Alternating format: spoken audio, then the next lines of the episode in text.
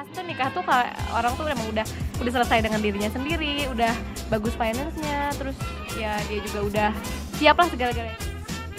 Dan nikah sendiri itu menurut aku itu menghabiskan atau berbagi kehidupan dengan orang yang bisa menganggap kalau kita itu penting. Yang paling parahnya itu bisa menyebabkan resiko kematian. Karena? kenapa karena hamil di usia muda itu beresiko guguran perdarahan dan itu yang bisa menyebabkan kematian. Eh, kitanya juga harus tahu gitu pilihan hidup kita tuh apa dan kenapa kita milih itu. Makanya sih tujuan hidup sih balik lagi tujuan hidup itu udah penting banget. Ya kalau misalnya emang belum siap ya nggak usah maksain nikah juga gitu ya tundukkanlah pandangan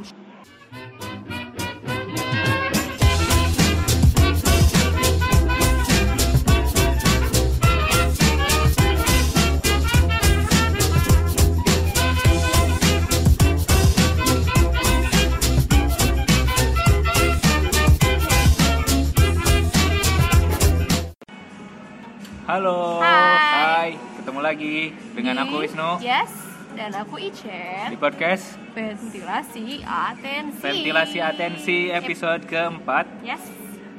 Dan sekarang kita nggak berdua, Nah, ada tamu undangan kita spesial langsung didatangkan dari Subang. Asik. ini Ibu Bedan ini luar biasa ya. Oke, Kita akan lebih akan ter- apa mengedukasi ini Nah, podcast kali ketemu ini. dengan Bidan, kita mengundang Bidan sini. Iya. Bidan muda kita yang uh, aware sama kehidupan pernikahan, Mm-mm. terus uh, pranikah, kehamilan, Pranikah, pasca nikah, postnatal, prenatal, lah pokoknya seru banget nih kalau ngomongin bayi dan kebidanan sama ibu bidan satu ini. Iya, karena di podcast kali ini juga kita akan lebih mengedukasi semoga ya nggak cuma perspektif perspektif kita edukasi. doang iya Iya. jadi mungkin semoga aja dengan mendengarkan podcast ini jadi se- sedikit lebih tercerahkan ya soal hal-hal marriage marriage things Nah, karena pembahasan kita pada kali ini episode 4 ini adalah tentang nikah muda uh, tentang pernikahan, Iya. nah, nikah muda, uh, tentang kehamilan, berbau merawat bayi, Iya, kesehatan. bayi. Oh, enggak. Oke. Pokoknya topik utamanya tentang pernikahan, Hmm. uh, nikah muda. kita fokusnya ke sana sih ya, Ya, di jadi untuk teman-teman yang berencana untuk menikah bisa didengerin dulu nih ada Ibu Bidan yang akan memberi insight tentang persiapan-persiapan yang harus disiapkan Iya, karena baik itu dari fisik, mental dan psikis dari ibu psikolog kita ini. ibu psikolog ya lah. Jadi kita juga akan bahas soal kenapa nikah muda karena akhir-akhir ini tuh banyak banget ya kayak isu-isu tentang nikah yang kayak tuh ayo nikah gitu Indonesia tanpa pacaran. Kemarin juga ada ini ada ada dari pendengar nih bahas tentang nikah dong. Dan ini juga kita tidak menggurui kalau teman-teman ada yang sudah menikah.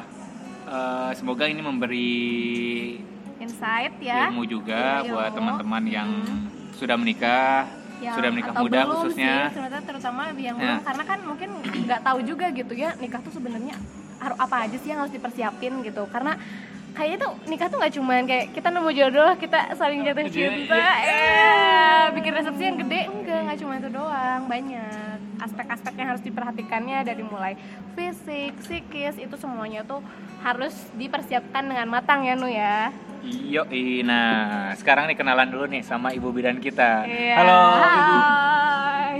halo semuanya Nah, nama dong perkenalan perkenalan dulu Eh, sebelumnya kenalin dulu nama saya Alia. Kebetulan saya udah lulus kebidanan dan sekarang bekerja di Subang. Terus saya juga punya usaha kecil-kecilan sampingan yaitu Wombi Care bisa dilihat Instagramnya ya nanti ya. Di situ juga bakal ada edukasi-edukasi tentang kebidanan. mantap Oke, itu dia tentang bidan kita, Ibu Alia, ya, Deng. Di Alia, Nah, ini akan memberikan sedikit ya, sedikit hal-hal terkait pernikahan dan em, menyangkut tentang mungkin tentang itu ya, tentang kematangan fisik, tentang aborsi mungkin. Kita akan dengar ya Wow. dari Ibu Alia ini. Oke. Oke, nah menurut kamu Ceng, Mm-mm. nikah atau nikah muda itu apa sih? Nikah muda itu adalah nikah di usia muda. Sangat tidak cerdas ya jawabannya.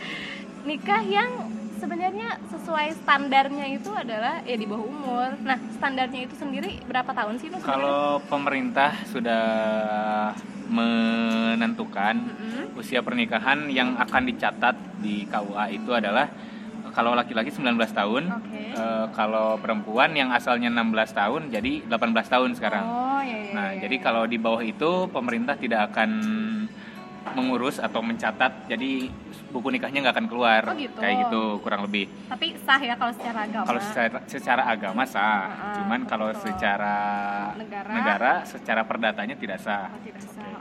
Seperti itu. Jadi menurut kamu gimana, Ceng? Nikah muda tuh harus 18 tahun, di atas 18 tahun, 19 tahun. Hmm, sebenarnya kalau nikah tuh yang penting siap ya, maksudnya untuk em, umurnya sih tergantung karena kan tingkat kedewasaan orang juga mungkin ada orang yang akan secara kematangan emosi kan emang mungkin lebih dewa lebih dewasa cepat gitu kan mungkin karena lingkungannya juga. Tapi eh, ada juga yang emang kayaknya umur udah 30 juga masih belum siap aja gitu nikahnya. Sebenarnya itu tergantung preferensi tapi tetap aja kan kita punya standar usia karena kan fisik nggak bisa dibohongin ya. Maksudnya fisik kita juga sebenarnya eh, di tahap per- perkembangan itu udah siapnya tuh di umur berapa kayak gitu dan untuk ngomongin fisik ini kita akan langsung tanya nih Nu, sama. Ibu Alia ini Nah, menurut eh, Alia sendiri, nikah muda itu apa sih?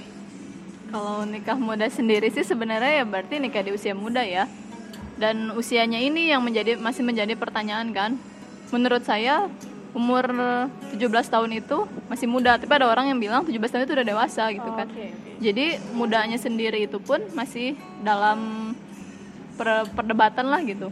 Nah, Oke, itu nikah muda. Nah, untuk misalnya eh, menurut Alia nih, kematangan orang untuk menikah itu secara fisik, secara misalnya kalau cewek kan punya rahim tuh, rahim yang udah siap untuk dibuahi dan eh, laki-laki yang sudah siap membuahi itu kira-kira usia berapa? Kalau usia ideal sih 25 sampai 30 tahun ya Untuk matang untuk usia ideal. Ideal dalam pembuahan. dalam emosi, Oh. dalam fisik gitu. Termasuk ya kematangan si organ reproduksi sendiri gitu. Oke. Jadi kalau di bawah itu belum ya, belum atau mis- bisa aja sebenarnya. Bisa aja karena tiap orang itu eh, apa bereproduksi atau kematangan reproduksinya bisa menjadi beda-beda. Iya iya iya. Kayak misalnya ada orang yang menstruasi di usia 14 tahun udah menstruasi, ada Iya. juga yang dia menstruasi baru umur 17 tahun, 18 tahun. Nah, itu pun akan berbeda pada saat nanti eh, apa? Matang secara pematangan rahimnya ya. reproduksinya. Oke. Kayak dulu ada temen aku yang SD udah mens, SD Iya, usia umur berapa sih? 9 tahun 9 bahkan. tahun, Iya. 10 Aku tahun, juga 11 gitu tahun. Dan ada teman aku juga yang SMP kelas 3 baru menstruasi. Oh iya? SMP kelas 3 berapa? 15 tahun, 14 tahunan Iya. ya? Nah, jadi dari mens aja kita udah bisa melihat bahwa kematangan rahim wanita itu kan beda-beda Mm-mm. di usianya. Jadi kalau menurut aku nih, kalau nikah tuh adalah merubah zina jadi ibadah. Jie. Jadi sesuatu yang belum sah eh, pada sebelumnya menjadi sah, jadi kayak enak aja gitu semuanya. Cuman kalau nikah tuh kayak merelakan apa yang bujang bisa lakukan gak sih? Kalau menurut aku sih itu. Iya. Makanya freedomnya itu kalau langsung diambil kalau banget. kalau aku menyayangkan kalau aku nikah muda tuh bakal melewatkan hal-hal seperti itu gitu jadi aku orang yang sedikit kontra sama nikah muda nikah pada umurnya aja semua juga ada waktunya kan Mm-mm. kalau kamu ceng Kalau aku sih ngelihat nikah sebagai sesuatu yang harus dilakukan setelah kita sudah beres sama diri kita sendiri.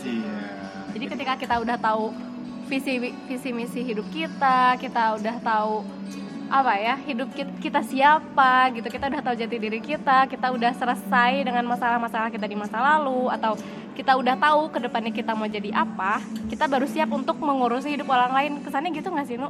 Jadi kayak kalau misalnya untuk perempuan sendiri ya, nanti kan akan ngurus suami, akan ngurus anak, ya pasti kan udah gak ada waktu untuk ngurus diri sendirinya lagi ya nggak sih? Udah harus fokus sama suami gimana caranya kan untuk bisa lebih melay- melayani suami dengan baik. Gimana caranya untuk bisa mendidik anak dengan maksimal. Itu juga kan ya berarti udah nggak ada waktu gitu untuk diri sendiri. Em, apa ya istilahnya kayak me time itu udah habis untuk ya kita harus eh, beresin dulu sama diri kita sendiri segala masalah kita apa yang mau kita capai. Baru setelah kita beres udah nggak ada utang nih sama diri sendiri baru bisa ngurusin uh, kehidupannya orang lain gitu Jadi yang mana keluarga mengubah- kita mengubah me time jadi our time iya Jadi we jadi, time. jadi segala segala berubah nih kalau menikah kalau menurut kamu ah kamu eh, termasuk yang pro atau yang kontra dengan nikah muda Untuk nikah muda sendiri sih sebenarnya termasuk yang kontra ya. Karena nikah itu sangat butuh kesiapan dari segala hal, dari segala aspek gitu. Dan nikah sendiri itu menurut aku itu menghabiskan atau berbagi kehidupan dengan orang yang bisa menganggap kalau kita itu penting. Tidak apa walaupun kadang kita menganggap diri kita itu nggak berguna gitu, tapi ada orang yang mengingatkan kita kalau kita itu penting di hidupnya gitu. Iya. Nah, tapi itu masalah preferensi masing-masing sih. Kalau memang dari teman-teman ingin menikah muda sih nggak masalah. Cuman eh itu preferensi aku, Iceng dan Alia kayaknya menuju ke yang kontra ya dengan nikah muda ya. sebenarnya lebih ke nikah siap bukan nikah muda Oh. kalau emang dia muda dan siap nggak masalah gitu cuma kalau misalnya dia muda udah mau muda tidak siap nanaonan Tenanaon. kan. Tenanaonan. Nah, begitu. Jadi yang penting persiapan aja dulu ya. Siap fisik, siap mental. betul Terus tadi yang Alia bilang berbagi kehidupan, yang Ichen bilang meng- apa mengubah me time jadi we time. Jie. Kalau aku me- aku bilang mengubah zina jadi ibadah. Nah, begitu. Nah, kalau dari teorinya sendiri Al, berapa eh, orang umur berapa orang bisa nikah atau si rahimnya atau sel atau bagian pembuahannya itu siap untuk dinyatakan untuk eh, dibuahi dan membuahi. Itu umur berapa? Eh, di, di kisaran usia di atas 20 tahun di antara 25 sampai 30 tahun. Di antara 20 25 sampai 30 tahun. Berarti di atas 25 tahun eh, siapnya. Tapi tadi kembali lagi ke eh, masing-masing ada yang lebih cepat, ada juga yang lebih lambat. Nah, itu eh, usia-usia produktif eh, masa subur. Bisa dibilang seperti itu? Ya, itu usia eh, saat organ reproduksi matang. Eh, paling ini berapa usia berapa kalau itu kan masa subur kalau masa telatnya gitu masa apa sih dibilangnya Masa apa ya? Sebenarnya disebut nggak ada yang namanya telat nikah gitu sebenarnya sih. Cuman kalau misalnya yang beresiko untuk hamil dan punya anak itu di, untuk wanitanya di atas usia 35 tahun. Jadi untuk menikah di atas 35 tahun itu perlu juga difikirkan gitu karena organ reproduksinya sendiri sudah mulai menurun kinerjanya gitu. untuk eh berarti itu untuk reproduksi di atas 35 tahun reproduksi kalau menikahnya mah kan kalau menikah nggak masalah. nggak nggak karena tujuan menikah tiap orang itu berbeda-beda. Ada beberapa orang yang supaya dia mempunyai teman hidup gitu, tapi ada juga tapi ada juga yang emang ingin memiliki keturunan gitu kan. Ada yang ingin supaya apa? warisannya ada yang megang gitu kan. ada juga kan yang kayak gitu. nah jadi kalau di atas 35 tahun itu beresiko kalau untuk orang yang ingin eh, melanjutkan keturunannya ya oke kalau ini kematangan psikis kelihatan nggak sih kalau orang udah matang gitu gini kalau misalnya psikis yang namanya psikis kan pasti internal ya. Jadi mungkin apa ya nggak nggak sekelihatan itu ya tidak se tidak sefrontal itu gitu kelihatannya. Karena kan masalah kesiapannya masing-masing yang tahu ya nggak sih? Cuman e, menurutku sih ada beberapa orang yang ya misalnya nih ya karakternya. Misalnya kayak di nikah tuh dia butuh e, kesiapan kayak itu leadership. Misalnya untuk laki-laki kan misalnya dia leadershipnya udah bagus tapi dia sebenarnya belum siap untuk membina rumah tangga gitu. Jadi itu sebenarnya tergantung juga ada orang yang emang karakternya udah baik tapi untuk masalah ke nikah dia belum siap gitu. Karena mungkin dia berpikir kalau nikah itu nikah itu nanti tanggung jawabnya gini gini gini. Karena kan katanya kalau misalnya ijab kabul tuh dia itu ya menanggung semua dosa istrinya gitu kan. Ya ada kata-kata hal kayak gitu ya mungkin untuk orang yang ngerti mungkin memang belum siap di situnya. Cuman cuman dia siap memimpin diri dia sendiri tapi dia belum siap memimpin orang. Nah iya karena kan emang tanggung jawabnya itu kan yang besar. Dan katanya cowok tuh takut ya buat tanggung jawab gitu. Boleh dikonfirmasi? gimana orangnya sih kayaknya. Kalau kalau aku orang yang males berkomitmen dengan apa pun. Jadi kalau kontrak kerja juga agak berat karena gimana ya kalau kita kontrak tuh kayak kalau aku kontrak, kalau aku megang sebuah tanggung jawab, semuanya harus ke situ gitu. Mm-mm. Nah aku tuh nggak bisa kalau eh, aku kontrak kerja terus aku tuh ngerjain yang lain gitu. Itu kayak aku tuh udah kayak berbuat dosa gitu. Jadi kayak kayak pengkhianat. Nah kayak nggak nggak konsisten sama satu pekerjaan itu gitu. Jadi kalau aku kontrak kerja terus aku buka warung, Mm-mm. aku merasa menjadi pengkhianat. Jadi seling aku berselingkuh gitu. Aku nggak bisa kayak gitu. Jadi makanya aku lebih ya udahlah jalanin aja gitu gitu. Oh gitu. jadi nggak enak nggak enak sih? itu kalau punya pacar dia pasti menghilang dari peredaran pertemanan soalnya wanita-wanita. soalnya nggak enak banget itu kayak kayak menyakiti perasaan. Padahal mah mungkin gimana orangnya juga sih ya. Cuman kalau aku sih kayaknya nggak. Orang yang males dengan komitmen karena males bertanggung jawabnya itu Iya, mungkin belum siap ya karena Iya. emang belum oke waktunya bisa bisa ya. kita lanjutkan ke pembahasan kita Boleh diralat nggak sebenarnya usia produktif itu di atas 20 tahun? Di atas 20 tahun. 21 tahun. 21 tahun Sampai itu 30 masa subur tahun. Hmm. oke sampai 30 tahun dan eh, usia Itu resiko usia reproduksi yang matang. Mm, dan Di resikonya atas 35 di tahun. atas 35 tahun bagi yang untuk eh, ingin mempunyai Punya keturunan keturunan. Oh, iya. Soalnya kan eh, orang nikah yang tadi Alia bilang eh, beda-beda juga kebutuhannya, keinginannya. Ada yang yang nikah ya udah pengen nikah aja gitu. Ada yang nikah dan usia ada yang janda sama duda misalnya usia 50 tahun ya pengen menghabiskan waktu berdua aja di masa tua mungkin kayak gitu ya. Mungkin kan emang itu mah apa ya? Itu tentang pilihan masing-masing orang gitu. Ada yang mau nikah sama nggak mau nikah. Ada yang mau nikah tapi punya anak. Ada yang mau nikah tapi nggak punya anak. Ada juga yang mau nunggu dulu berapa tahun gitu sampai di mereka siap untuk punya anak. Ya masing-masing kan emang punya pilihan sendiri Ada dan yang punya anak dulu baru nikah? banyak nikah kayak kayak orang barat gitu kan orang luar kan dia hidup bersama dulu beberapa tahun terus punya anak anaknya udah sampai kuliah baru nikah ada ada ada tujuan hidup dia emang untuk menghabiskan waktu dengan orang yang tepat. Makanya dia mungkin selama itu tuh dia menganalisa orang itu ya kan. Setelah punya anak kayak gimana orang itu kan. Jadi bisa jadi ya tujuan hidup dia menikah berbeda sama tujuan hidup orang-orang yang menikah dulu baru punya anak gitu. kan ada juga yang emang nikahnya karena agama gitu ya maksudnya dia mungkin emang belum siap gitu ya secara secara finansial misalnya gitu tapi karena emang dia pengen meraih ridho ilahi jadi dia memilih untuk menikah dan mau suaminya nanti akan kayak gimana gitu ya atau misalnya dia nggak mendapatkan suami yang sempurna pun misalnya kayak Firnaun gitu ya Iya. ya itu kan jadinya mungkin apa eh, berpikirnya jadi oh ya ini malah ladang pahala gitu iya, kan ada jadinya juga. ibadah ya Iya, macam-macam. Jadi gini nih ya, kalau misalnya ini kan eh, tadi udah dibahas ya, usia usia matangnya bagusnya tuh di antara umur 20 sampai 30 kan. 21 sampai 30. 21 sampai 30 tahun. Nah, gimana kalau misalnya eh, seseorang ya udah hamil di umur belasan gitu, akan ada apa ya dampak psikis apa gitu yang akan terjadi sama dia gitu. Psikis atau Eh psikis, fisik, fisik, sorry sorry. Maaf, maaf. untuk usia di atas eh di bawah 20 tahun sendiri sih sebenarnya dalam fisik atau kesehatannya sebenarnya masih belum siap karena sangat beresiko. Kenapa bisa beresiko? Karena emang memang organ-organ dalam tubuhnya juga belum stabil. Bisa seperti tekanan darahnya belum stabil atau misalnya eh, apa? Bisa menjadikan anaknya nanti gizi buruk karena gizinya belum belum bagus gitu kan.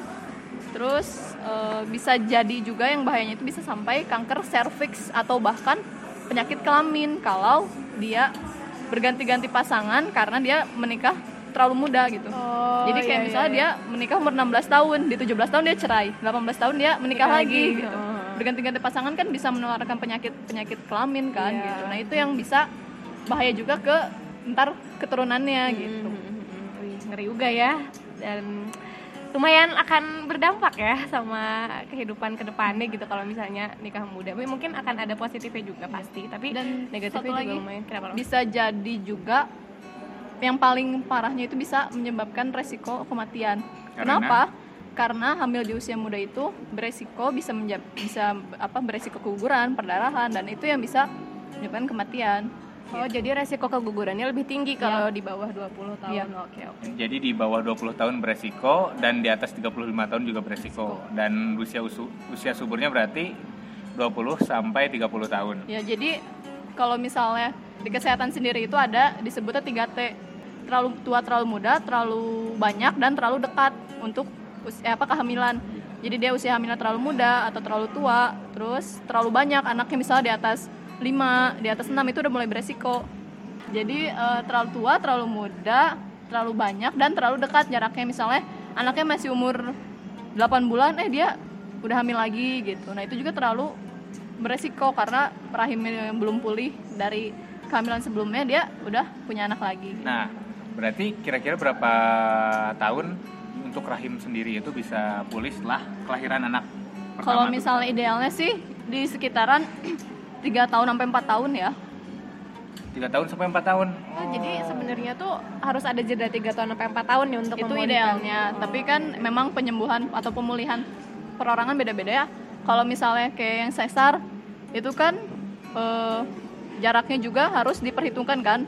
Kayak lebih baik sih di atas lima tahun kalau sesar kalau normal sih tadi tiga tahun gitu. Cuman kalau misalnya emang orang yang hidupnya sehat, hidupnya baik gitu kan, otomatis kan perubahan di dirinya juga kan lebih cepat gitu. Oke. Oke, oke, oke. Sip. Nah, kalau dari dampak psikis orang yang nikah muda atau hamil muda gimana tuh, Bu? Hmm, sebenarnya sebelum ngomongin dampak ya eh, lebih kepengen ngebahas itunya dulu sih kayak eh, kesiapan sih psikis Ya. seseorangnya dulu gitu ya sebelum dia apa siap untuk nikah gitu karena untuk kesiapan psikis sendiri ini eh, sebenarnya ada standar umurnya ya eh, sesuai sama kayak fisik juga gitu. Cuman untuk nikah sendiri kan emang tergantung lingkungan juga. Kalau misalnya lingkungannya emang kayak apa ya kalau di kampung-kampung kan kayak emang anak tuh udah diarahkan gitu ya di umur sekian tuh kayak udah diajarin kayak masak ini ntar jadi istri harus gini-gini kan. Jadi sama Sesapu. iya jadi kan sama orang tuanya juga udah kayak diarahkan gitu ya gimana caranya apa eh, meng- apa ya hidup di rumah tangga itu akan seperti apa gitu kan tapi ada juga yang kayak kaum milenial kan kurang ya lebih ke ah ya udah sih nanti aja Mengejar gitu karir dulu, Iya, pendidikan dulu, karir, gitu. benar-benar mengejar karir pendidikan dan jadinya kayak kurang siap aja gitu untuk eh, apa ya hidup jadi ru- apa, ibu rumah tangga cuy nggak harus jadi ibu rumah tangga sih maksudnya kayak hidup di apa ya, kehidupan orang lain dan pernikahan gitu ya. Mm, mm. Oke. Nah, yang pertama kan pasti itu dulu ya sebenarnya. Untuk kesiapan psikis tuh kan jadi dia mulai dari si kesiapan si finance-nya dulu. Ketika dia finance sudah ada, pekerjaan udah settle, terus maksudnya kalau uang sih lebih ke uang kan habis ya. Maksudnya kalau orang tuanya kaya pun kalau anaknya belum apa ya, belum punya pekerjaan yang settle sih agak gariskan juga karena untuk menghidupi keluarga yang akan sepanjang-panjang nanti kan anaknya akan kuliah, anaknya akan ya lumayan ya biaya sekolah kan tahu sendiri kan luar biasa Iya, ya. apalagi sekolahnya di tempat Ibu Icen ya, Miss Icen. Ya luar biasa kan harganya. Jadi ya butuh sih karena ketika finance siap, insya Allah si kesiapan secara psikis juga siap gitu. Terus yang selanjutnya adalah di umur apa ya remaja itu kan masih apa ya lagi gencar-gencara pencarian jati diri Cie. ya kan siapa sih aku tuh Nah, aku tuh mau ngapain di dunia ini? Aku tuh mau ngejar terus apa? menghadapi ini enggak sih quarter life crisis? ya iya kan emang quarter life crisis kan emang mulainya emang di tahap-tahap sebelum nikah ini. Dan jadi sebelum dapat si jati diri kita siapa itu ya ketika kita misalnya belum selesai nih ya sama pencarian jati diri eh kita harus udah langsung ngambil tanggung jawab yang lain gitu. Kayak tanggung jawab mengurus suami atau tanggung jawab menafkahi istri atau juga eh, membesarkan anak gitu itu nggak mudah gitu. Dan menurutku sih kayak harus satu-satu dulu loh ini dulu diberesin ini udah oke baru nanti ke sananya juga si apa ya si bridge-nya juga akan enak gitu nanti ke kehidupan selanjutnya. Ketika dia belum beres sama urusannya juga nanti si karakternya jadi kayak masih labil gitu jadi kayak mengambil keputusan juga masih kayak eh ya ntar dulu deh gitu kayak pelin pelan gitu kan. Belum ada belum ada dasarnya yang ajek gitu yang bikin dia tuh jadi kayak saya nih kehidupannya akan kayak gini jadi ntar ntarnya akan banyak apa ya banyak diatur sama orang lain gitu nggak sih? Jadi kayak kalau misalnya seseorang nikah muda kan pasti ntar akan karena dia belum bisa matang untuk menentukan jalan hidupnya dia akan banyak dapat intervensi dari orang lain gitu. Kayak misalnya dari uh, mertuanya atau dari orang tuanya ini nikah tuh harus kayak gini kayak gini kayak gini. Sementara kan setiap orang punya pendapatnya masing-masing dan caranya masing-masing kan dalam menjalani si kehidupan rumah tangganya itu gitu. Jadinya lebih ke uh, kitanya juga harus tahu gitu pilihan hidup kita tuh apa dan kenapa kita milih itu. Makanya si tujuan hidup cie balik lagi tujuan hidup itu udah penting banget untuk penting banget itu kayaknya paling penting deh sebelum kita nikah kita harus tahu gitu visi misi kita ke depan itu akan apa dan nanti ketemu sama orang lain juga orang lain itu visi misinya kan gimana. Juga dibahas di podcast yang itu ya nu ya yang turn off itu loh. Yeah, kita yeah. udah bahas juga sebenarnya. Nah yang selanjutnya itu adalah uh, belum matangnya yang itu karena pencarian jati dirinya belum matang jadi uh, kemampuan untuk decision makingnya juga belum matang. Jadi masih ikut-ikutan masih aduh gimana ya gitu belum tahu gitu harus harus bagaimana gitu. Kan kalau udah dewasa ya dia akan bisa lebih apa ya menghandle keluarganya dengan lebih baik gitu dengan pilihan-pilihan yang uh, dia pilih sendiri. Kan ini bukan masalah salah atau benar kan? Kadang itu memang preferensi keluarga A memang fokusnya ke sini keluarga B fokusnya ke sini dan itu bukan suatu kesalahan gitu. Gitu no oke mantap sekali. Nah ngomongin nikah udah, ngomongin kematangan nikah udah. Nah sekarang menurut Alia, menurut Bidan nih, uh, kemarin sempat uh, lihat di lini masa Twitter ada orang yang ngomongin tentang uh, kontrasepsi darurat. Nah, apa sih kontrasepsi darurat? Kontrasepsi darurat sendiri sih sebenarnya yaitu alat kontrasepsi yang digunakan setelah berhubungan seksual. Karena kan kebanyakan alat kontrasepsi itu digunakan sebelum berhubungan seksual. Jadi kayak misalnya pil KB, kondom atau misalnya suntik atau IUD gitu. Nah itu kan biasanya sebelum. Nah kalau misalnya kontrasepsi darurat atau kondar ini sendiri digunakan setelah berhubungan seksual. Kontrasepsi darurat. Ada kata daruratnya. Berarti ini digunakan ketika eh, kondisi-kondisi uh, tertentu. Ya, kondisi darurat gitu, seperti kasus pemerkosaan atau misalnya kasus di mana suami istri yang memang mereka ingin apa? Tidak ingin mencegah ingin mencegah, mencegah kehamilan. Tidak bukan nggak disebut membatalkan, ya. Okay. jadi mencegah kehamilan uh, apa? Tapi mereka lupa menggunakan kontrasepsi yang sebelum berhubungan ini gitu. Oke jadi fungsinya juga sama untuk mencegah kehamilan di, disebut mencegah kehamilan ya disebut mencegah kehamilan karena sebenarnya kalau membatalkan kehamilan itu lebih ke aborsi ya. Oke. Okay. nah, kalau kontrasepsi darurat ini sendiri itu tidak menggagalkan membatalkan kehamilan. Jadi kalau misalnya dia apa memang hamil ya bakal tetap hamil walaupun dia minum kontrasepsi darurat ini gitu. Uh, kalau kenapa misalnya aku ini minum kontrasepsi darurat kok tetap bisa hamil? Karena cara pemakaian kontrasepsi darurat, daruratnya itu salah. Jadi ada caranya juga nih kayak misal kondom kan cara makainya gimana gitu pil KB cara minumnya gimana nah kontrasepsi darurat ini pun ada cara pemakaiannya yaitu diminum e, sebelum 12 jam dari hubungan seksual lalu diulang di 12 jam kemudian gitu jadi ada ada dua obat ada yang minumnya dua pil ada juga yang empat pil gitu. Jadi bentuknya obat ya? Obat ya kayak sama pil KB ya mirip-mirip kayak gitu. Okay. itu boleh dikasih tau nggak? Kayak kamu tau nggak harganya berapa atau kamu apa sih uh, obat itu bisa belinya di mana gitu? bisa didapatkan di mana? Kalau misalnya didapatkan sih sebenarnya di apotek kayaknya ada sih. Cuman mungkin harus ada resepnya gitu. Hmm. kalau misalnya dalam kasus-kasus ya uh, eh, BKKBN pasti menyediakan kayak misalnya kasus pemerkosaan gitu kan pasti menyediakan kan untuk kasus-kasus seperti itu gitu. Nah berarti ini uh, pilnya mencegah kehamilan sebelum terjadi uh, pembuahan.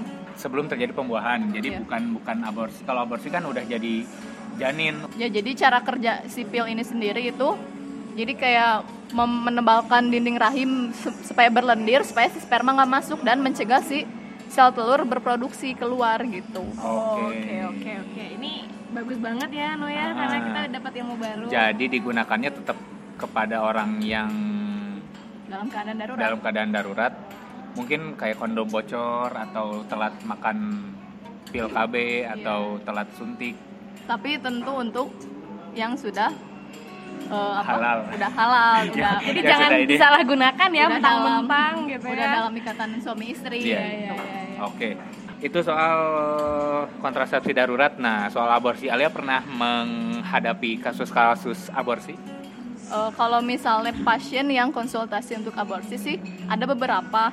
Jadi kayak misalnya seorang ibu datang sama anaknya nih, terus ibunya bilang, ini neng biasa anaknya hamil Kecelakaan. gitu, kecelakaan gitu. Eh, tapi si apa cowoknya nggak tahu ke mana neng gitu. Bisa nggak kalau misalnya misalnya janinnya dikeluarkan gitu, di aborsi aja gitu. Nah, ini yang harus di eh, garis bawahi juga ya. Karena aborsi sendiri itu sangat-sangat banyak resikonya gitu.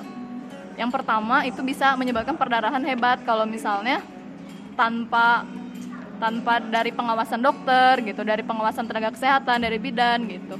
Ini bisa menyebabkan pendarahan hebat dan itu yang bisa menyebabkan resiko kematian tadi gitu, apalagi di usia muda gitu. Dan ini pun bisa menjadi kebiasaan yang sangat buruk di lingkungan kita gitu karena orang-orang yang apa ya berkelakuan gitu atau misalnya hidup seenaknya dengan perilaku seks bebas gitu saat hamil ya aborsi aja gitu kan padahal itu pun bisa menjadikan resiko buat dirinya sendiri dan orang lain gitu Sebenarnya kalau cara aborsi itu sendiri ada gimana aja sih? Soalnya aku pernah dengar ya ada yang sampai dikorek gitu loh, yang kayak dimasukin benda tumpul atau benda tajam gitu kayak ke dalam itu ngeri banget.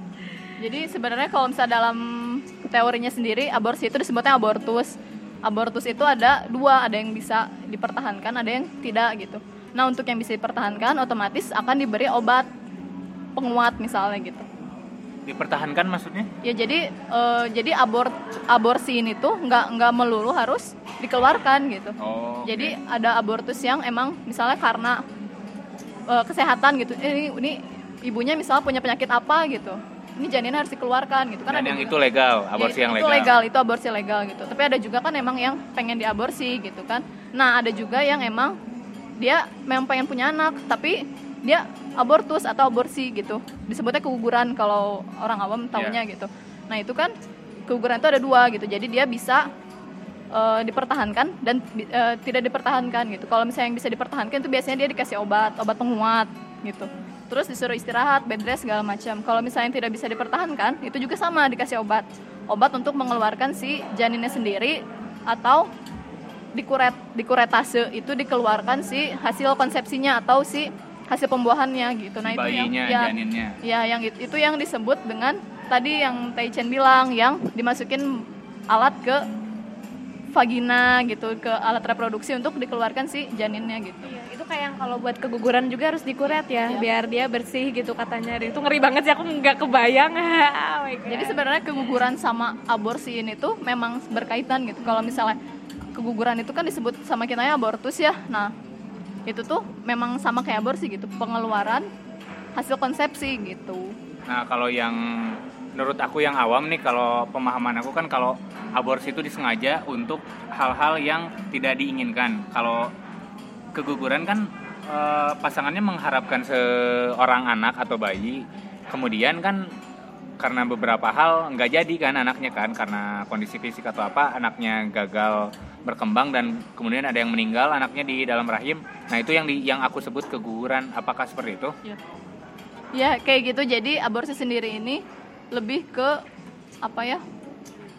Keguguran yang disengaja gitu. Oke. Jadi konotasinya kalau aborsi negatif, kalau keguguran ya netral Kalau aja gitu ya. abortus itu ya keguguran itu ya netral ya.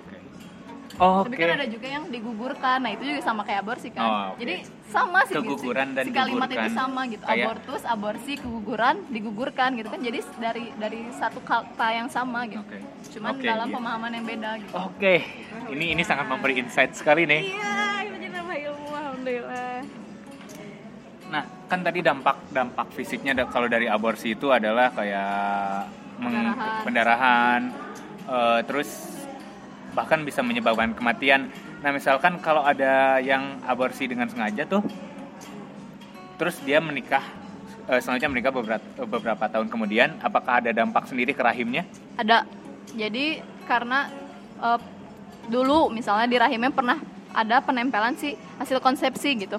Otomatis kan si bekas penempelan hasil konsepsi itu jadi rusak ya jadi kayak gini deh kamu ngehektar kertas hektarnya kamu copot Hmm. kertasnya bolong nggak Bolong. nah jadi bolong kayak gitu jadi si rahimnya pun nggak akan kembali sempurna seperti dulu nah itu pun yang bisa beresiko kenapa karena gizi dan makanan janin nanti saat dia hamil itu salah satunya dari penempelan si hasil konsepsi itu gitu Oke. Iya. Gila. Jadi bersiap-siap aja untuk teman-teman yang ingin sudah punya anak. Alia, eh sudah ingin punya anak. Alia ini sudah punya dia memulai usaha startup baru yang baru dimulai sejak kapan? baru awal 2019 sih Awal Januari. 2019 dengan nama Wombi Care Oke, ini eh, kira-kira pelayanan yang ditawarkan tuh seperti apa sih Al? Kalau misalnya di uh, Wombi Care sendiri sih kita menyediakan kayak uh, baby care, woman, mom and baby care gitu. Kalau misalnya untuk womannya sendiri berarti bukan berarti dia harus seorang ibu ya. Di- uh, bisa facial spa gitu. Kan cewek juga butuh me time kan gitu. Ada ada facial spa-nya, ada juga pijat slimmingnya. gitu. Iya. Oh. Karena kan ya cewek lah siapa sih yang nggak nggak insecure sama berat badan kan, ya kan? can relate. Nah terus ada pijat slimmingnya, terus nanti juga coming soon-nya bakal ada eh, apa konsultasi pranikah juga gitu. Untuk ibunya sendiri ada pijat ibu, pijat ibu hamil, terus pijat eh, apa laktasi gitu. Terus ada facial spa juga yang natural yang emang dibolehkan untuk ibu hamil gitu. Terus ada pijat laktasi atau misalnya pijat buat ASI. Terus pijat oksitosin. Oksitosin itu apa? Oksitosin itu adalah salah satu hormon yang bisa bikin bahagia gitu. Jadi Nah. dijamin bahagia ya. Jamin bahagia. Nah, terus ada juga eh, baby care. Jadi ada pijat bayi, terus baby spa-nya ada lulur bayi gitu, ada apa? Pijat eh, terapi bayi. Jadi kalau misalnya bayinya batuk pilek, bayinya nggak nafsu mak nafsu makan gitu.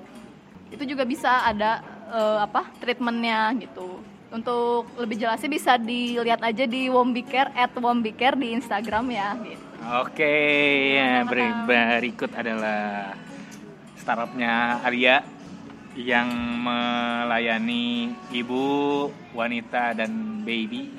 Ini lokasinya sendiri di mana sih Ayul ya? Kalau misal lokasinya sendiri sih masih sekitaran Bandung sama Subang ya. Kalau misalnya kayak kantornya sendiri atau misalnya tempatnya sendiri sih kita masih belum ada karena kita ini treatmentnya home care jadi kita yang datang ke rumah gitu. Ya, ya, ya, ya. Jadi bisa langsung eh, dikontak misalnya ada nomor WA-nya kayak gitu-gitu ada ya? dong ada bisa dicek aja di Wombicare ya. Cek aja di Instagram @wombicare. Eh, itu Alia yang ngurus dan beberapa temannya. Nah, begitulah perbincangan kita soal pernikahan, nikah muda, kematangan fisik, mental. Iya. Nah, tadi kan bahas-bahas tentang teori terus nih. Mm. Eh dan tadi sih sempat bilang kalau aku adalah aku orang yang kontra dengan nikah muda. Menurut kalian, apakah ada manfaat nggak sih orang dengan nikah muda? Ada menjauhi zina. Iya, mantap sekali. Ibu sering ikut kajian ya? Enggak, bukan gitu ya. Namanya juga saya orang Islam, saya percaya kalau misalnya zina emang nggak baik gitu. Dan aku merasa nikah itu salah satu cara, tapi bukan satu-satunya cara gitu. Ya benar benar. Ya, jadi Setuju banget itu setuju banget. beberapa orang mungkin tepat gitu ya untuk nikah muda. Oke lah, misalnya dia masih dibiayain sama orang tuanya gitu. Selama satu keluarga itu udah sepakat ya nggak ada masalah gitu sama nikah muda. Toh kalau misalnya dia memang sudah siap gitu secara fisik, psikis dan juga finansial gitu ya, itu udah oke-oke aja sih. Cuman itu nggak berarti semua orang harus kayak gitu gitu. Jadi itu tergantung preferensi orangnya juga. Oh, begitu. Nah, Kalau menurut Alia, apakah nikah muda dari segi kesehatan, kesehatan organ reproduksi ini ada ini nggak ada positifnya? Kalau misalnya positifnya sih mungkin fisiknya dia masih kuat ya. Maksudnya eh, jadi kayak masih mampu ngurus anak, masih mampu apa? Jadi tempat curhat anak gitu kan. Jadi dia benar-benar masih mampu untuk jadi eh, ibu yang masih banyak eh masih mau banyak belajar gitu. Biasanya kan usia-usia yang udah tua kan mereka udah malas belajar segala macam gitu kan. Gitu sih sebenarnya. Nah, iya ada teman aku juga yang cita-citanya nikah muda karena dia ingin jadi teman main anaknya nanti katanya gitu oh, sih biar katanya. terlalu jauh ya Ah, ah, umurnya. jadi ke mana-mana bisa Kayak jalan adik bareng kakak kayak gitu adik kakak. Oke, bahasan yang menarik nih kita eh, untuk teman-teman yang sudah menikah atau sudah ingin menikah atau sudah ada bayi di rahimnya, ya. rahim aku anget. nah gitu, jadi eh, sebenarnya nikah muda ini adalah masalah preferensi ya. Kami dan aku juga nggak mempermasalahkan kalau ada teman-teman aku yang nikah ya bagus juga sih Tetap datang kan undangannya kan? tetap datang kalau aku diundang. Nah begitu, jadi nggak ada masalah juga kalau ada yang ingin nikah muda dan bagus juga karena menghindari zina, Iya. seperti kayak Secara kata Iceng juga dan ya. secara fisik juga mungkin akan lebih bagus juga karena masih kuat secara fisik, eh, umur dengan anaknya juga mungkin tidak terlampau jauh, nggak nggak jadi 30 lebih, mungkin masih 20-an dan bisa dija- diajak menjadi tempat curhat dan tempat main Ya, juga main jadi lebih bersama. nyambung juga kali ya kalau misalnya emang umurnya nggak jauh-jauh amat gitu Iya. tapi meskipun begitu sebaiknya sebaiknya nikah tuh ya bukan muda atau tua tapi ke siap, Oke. Jadi kalau siap ya sikat. Karena nikah merubah zina jadi ibadah, merubah me, me time jadi we time dan merubah yang Hidup sendiri jadi berbagi kehidupan. iya. Nah, begitu sebenarnya siap sendiri itu apa yang harus disiapkan? siap sendiri maksudnya. Maksudnya siap nikah itu apa yang harus disiapkan? Semua tuh harus dijalanin dulu baru kitanya siap. Ya nggak sih? Enggak. semua tuh harus disiapin dulu tapi kita nggak akan pernah 100% Nah, siap Ah, mantap. Semuanya harus disiapin dulu. Cia. Oke, kalau siap ya silahkan. Kalau mau nikah muda ya mangga. Kalau dari cowok kan dan cewek beda kesiapannya. Seperti tadi Iceng bilang, kalau dari cowok kesiapannya adalah sebenarnya kesiapannya lebih ke ya kamu lah kan kamu cowok kira-kira apa cowok yang harus disiapin siap finance dan bertanggung jawab dan Betul. mental dan, Dan siap untuk dan harus siap. pasangannya harus disiapkan Iya, bukan harus siap disiapkan. dan harus siap meninggalkan. Masa bujang dan men- meninggalkan beli mainan dan meninggalkan futsal Ya, dan meninggalkan nongkrong nongkrong oh enggak Enggak, itu tuh tergantung ceweknya juga. Kalau kamu udah membicarakan dengan pasangan kamu, aku tuh mau nongkrong, aku tuh mau futsal. Banyak kok yang cowoknya masih ngoleksi mainan gitu gitu. Banyak juga yang ceweknya ikut futsal ada juga kayaknya. ya karena aku belum siap untuk meninggalkan kebujangan aku jadi aku masih lama Bukannya kamu kalau anak sultan pengen nikah sekarang ya? Kalau anak sultan sayangnya aku anak begitulah podcast kita pada episode 4 ini semoga memberi insight ya Mm-mm. Amin. Terus ini juga Semoga ada riset dari BKKBN ya jadi angka perceraian itu menurun eh, hingga 50% kalau menikah di atas usia 25 tahun. gitu. Dan aku juga pernah lihat sih di mana ya. Jadi emang kayak pas tuh nikah tuh kalau orang tuh emang udah udah selesai dengan dirinya sendiri, udah bagus finance-nya, terus ya dia juga udah siap lah segala-galanya itu di umur 28 sampai berapa gitu kalau nggak salah. Dan itu juga aku ngerasa kayak ya kalau misalnya emang belum siap ya nggak usah maksain nikah juga gitu ya. Tundukkanlah pandangan sih. karena banyak juga kan yang menganjurkan nikah muda, menganjurkan lebih baik nikah aja daripada zina, tapi kan nggak gitu juga. Iya, karena yang tadi yang tadi yang di, di mention tadi karena emang salah satu cara tapi bukan satu-satunya cara. Kan lah fokus jadi ke lebih ke ngejar passion, volunteering atau melakukan sesuatu yang lebih berguna bagi nusa dan bangsa. Bikin startup, Bikin podcast. bikin podcast. Oke, gitu aja. Thank you Alia, terima kasih banyak. Ya sama-sama ya. Iya, sudah banyak memberikan insight ya. Kita juga jadi ter-acknowledge ya. Ya, jadi jangan lupa. banyak tahu juga soal hal-hal yang berbau bidan-bidan things. Jangan lupa follow Iya, at follow. Untuk mengetahui pelayanan-pelayanan yang bisa Alia berikan, Ji. Iya itu oke banget sih karena udah mau datang ke rumah ya jadi ibu teh nggak usah ribet gitu tinggal WA nih. Oke. Teh Alia saya, saya ini ibu yang dipijit gitu kan. Oke. Thank you Alia, Ya sama-sama. thank you Iceng. Ya sama-sama dan thank you juga Wisnu sudah Oke. memandu kami ya. ya, sampai jumpa lagi di podcast selanjutnya. Semoga memberi insight juga. Dan kalau misalnya ada apa ya suatu kritik dan saran atau pengen ada sesuatu isu yang pengen kita bahas lagi dan mungkin kita bisa cari ya narasumber yang mantap-mantap nanti supaya bisa memberikan insight yang lebih banyak lagi gitu semoga Bisa kita bermanfaat di email at ventilasiatensi@gmail.com atau bisa langsung aja ke Instagram Wisdiwip sama Icana Kasani. Oke, dah sia ya. sampai jumpa lagi di podcast selanjutnya. Ya, yeah, the. Dadah.